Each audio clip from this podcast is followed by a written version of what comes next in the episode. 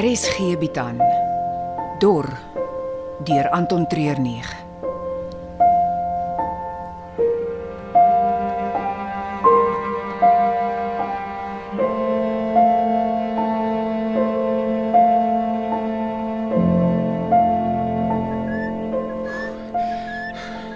Ek dink ons het hulle afgeskud.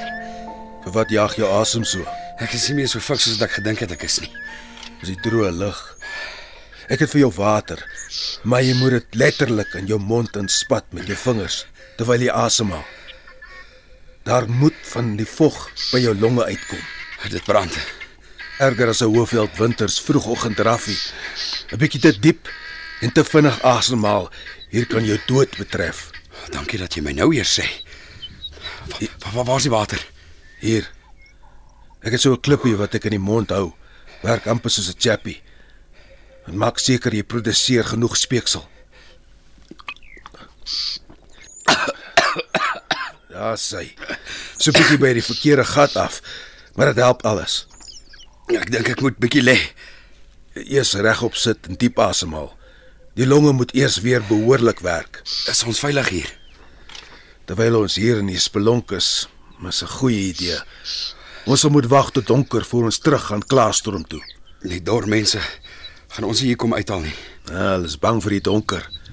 Selfs plekke soos dit sal hulle vermy. Wat is hulle storie? Dat hulle alles voor hulle vernietig of opeet. Die dat hulle bang is vir die donker. Ek dink dit het iets te doen met die feit dat hulle oerbrein oorgevat het. Basiese behoeftes, basiese drange en basiese vrese. Ons as mense is nooit gemaak om in die donker te oorleef nie.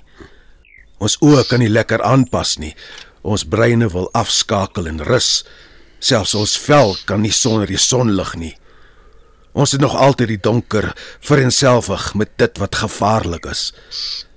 By hulle het daai vrees al die ander oorgeneem. Hulle voel niks om voor 'n geweer in te loop nie. Maar jy sal hulle nooit in die donker grot kry nie.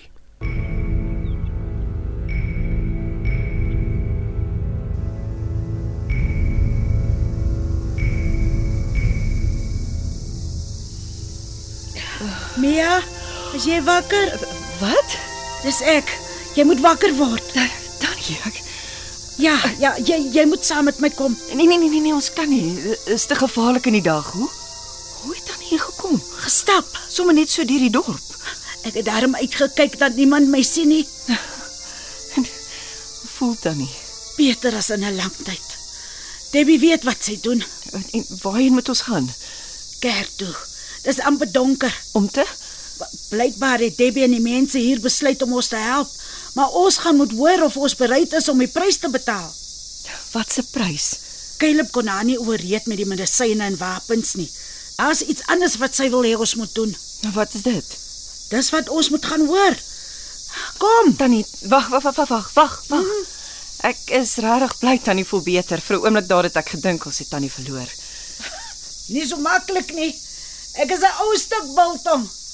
Dit gaan meer vat as die son en droogte om van my ontslae te raak. Daar's niks daar buite nie. Is jy seker? Hulle kruip nie net dalk iewers weg en wag vir ons nie. Hulle het dit nog nooit voorheen gedoen nie. Dink nie hulle het die breinkapasiteit daarvoor nie. Daar is altyd 'n eerste keer. Dis amper donker buite. Hulle sal nie meer teen die berg wees nie. Nou waarheen gaan hulle? Geen idee nie. Stel ook nie belang nie.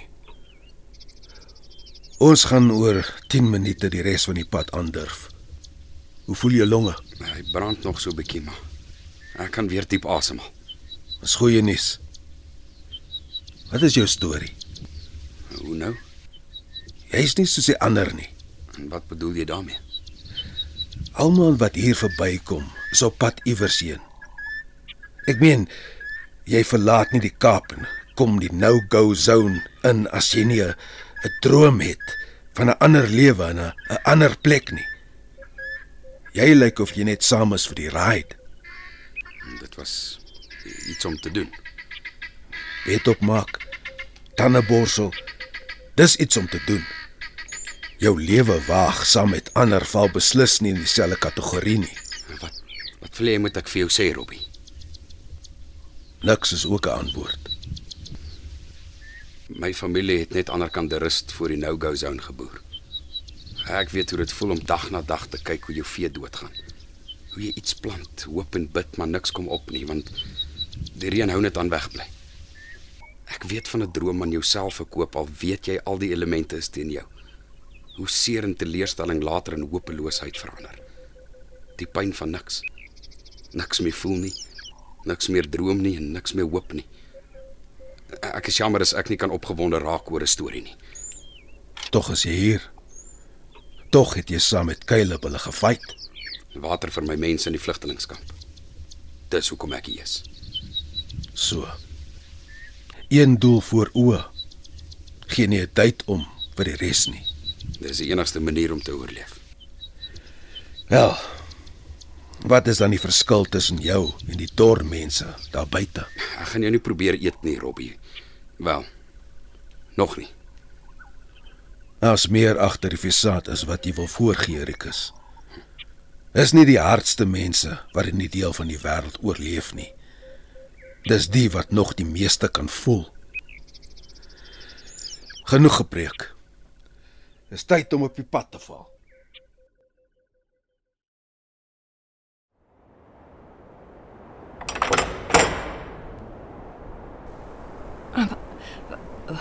Waar is die ander? Debbie het gesê hulle sal hier vir ons wag. Nou lyk dit of ons die wagwerk sal moet doen. Enige geleentheid om gewig van my bene af te haal. Caleb sal wil hê ons moet so gou as moontlik hier vertrek. Dis wat hy Debbie laat verstaan het. Hoe voel Tannie daaroor? Jy wil weet of ek fisies sal kan aangaan. Nou, miskien moet ons 'n rukkie langer bly totdat Tannie 100% voel. Ek, eh, Op my ouderdom is die dag wat ek 65% voel 'n goeie dag. Meeste dae hang ek net net bo slaagsyfer. Tannie weet wat ek bedoel. Ek en Douglas het in so 'n klein kerkie getrou. 25 gaste en die pastoor. My ouers wou niks daarvan weet nie. Want Douglas was 'n 'n hele paar jaar ouer as ek en en was al een keer getroud. Ons het gesukkel om die geld bymekaar te kry vir die troue en, goed wou net ag goed wou net nie regloop nie. Almal het die heeltyd vir my gesê ons moet dit uitstel. Wag tot my ouers meer inskikkelik is. Wag tot daar meer geld is. Wag tot ek seker is. Maar wat hulle nie verstaan het nie, is dat ek doodseker was oor Douglas. Die kerkie was klein, die mense min, die kos koud. Maar dit was die wonderlikste dag in my lewe. Dis dis 'n mooi storie. Dis nie 'n storie nie, Mia. Dis 'n feit.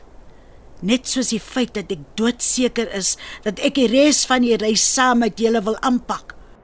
Alles my lyf hoe oud en my suiker of my bloeddruk hoe hoog.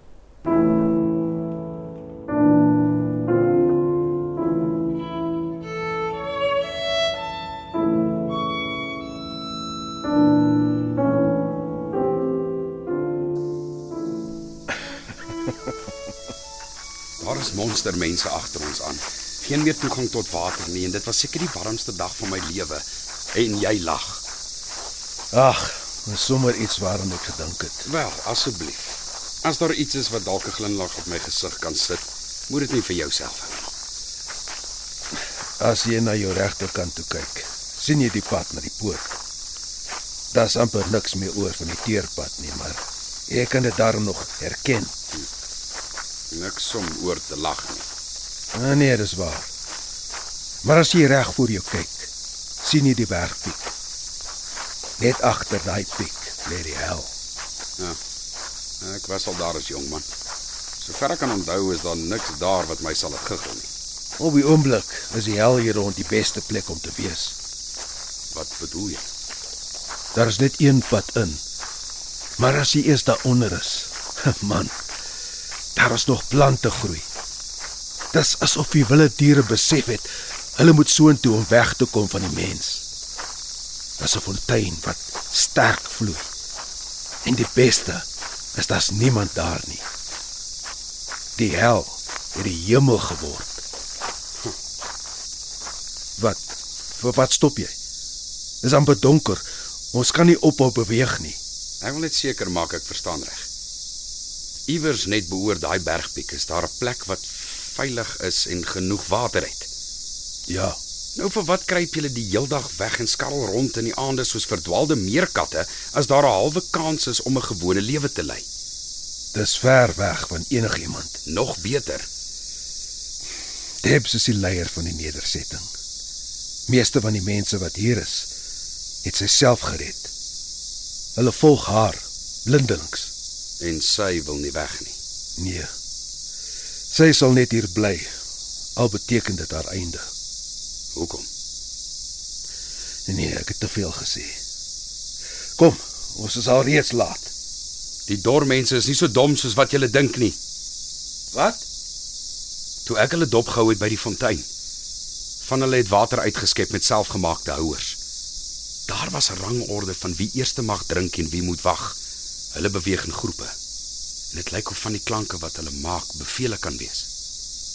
Jy het nie 'n idee waarvan jy praat nie. My werk was om diere se bewegings dop te hou. En ek sê nou vir jou, die dormense is georden en gedissiplineerd. Hulle kan enige tyd wat hulle wil die mense in klaarstroom oorrompel. Dit kan nie wees nie. Vertel my net wat vir Debbie hier hou. Miskien ja, miskien kan ek of Caleb of Mia ooreed om te gaan.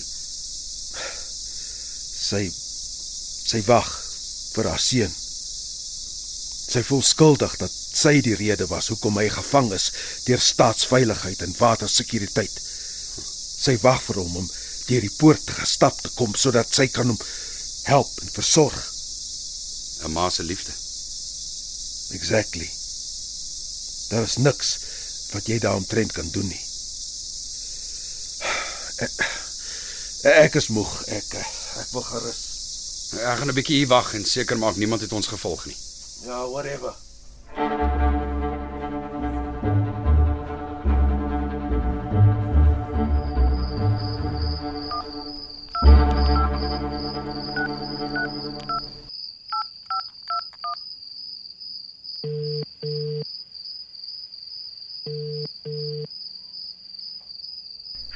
Dae hoor ek niks van jou nie en dan sommer twee keer in 24 uur.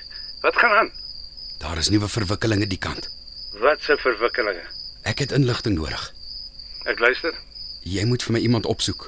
Kyk of hulle nog leef en waar hulle nou is. Vir wat?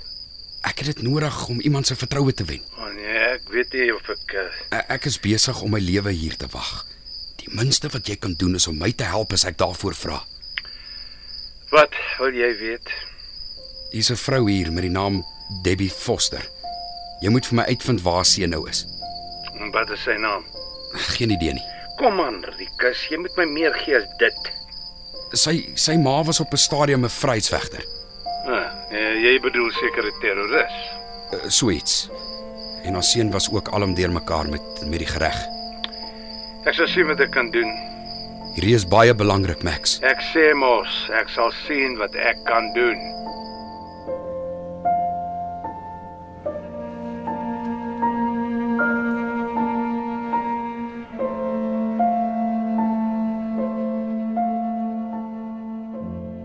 Dor word in Johannesburg opgeneem onder spelleiding van Johnny Klein. Die tegniese span is Frikkie Wallis en Dipalesa Motelo. Hierdie week se spelers was Mia, Karen Wessels, Lucia, Venet Ibrahim, Rikus Volroo van Agterberg, Caleb, Donovan Petersen, Max, James Bothwick en Rachel Claudia Jones. Die byspelers was Deborah, Bertha Leroux Waal, Robbie, Kevin Smith,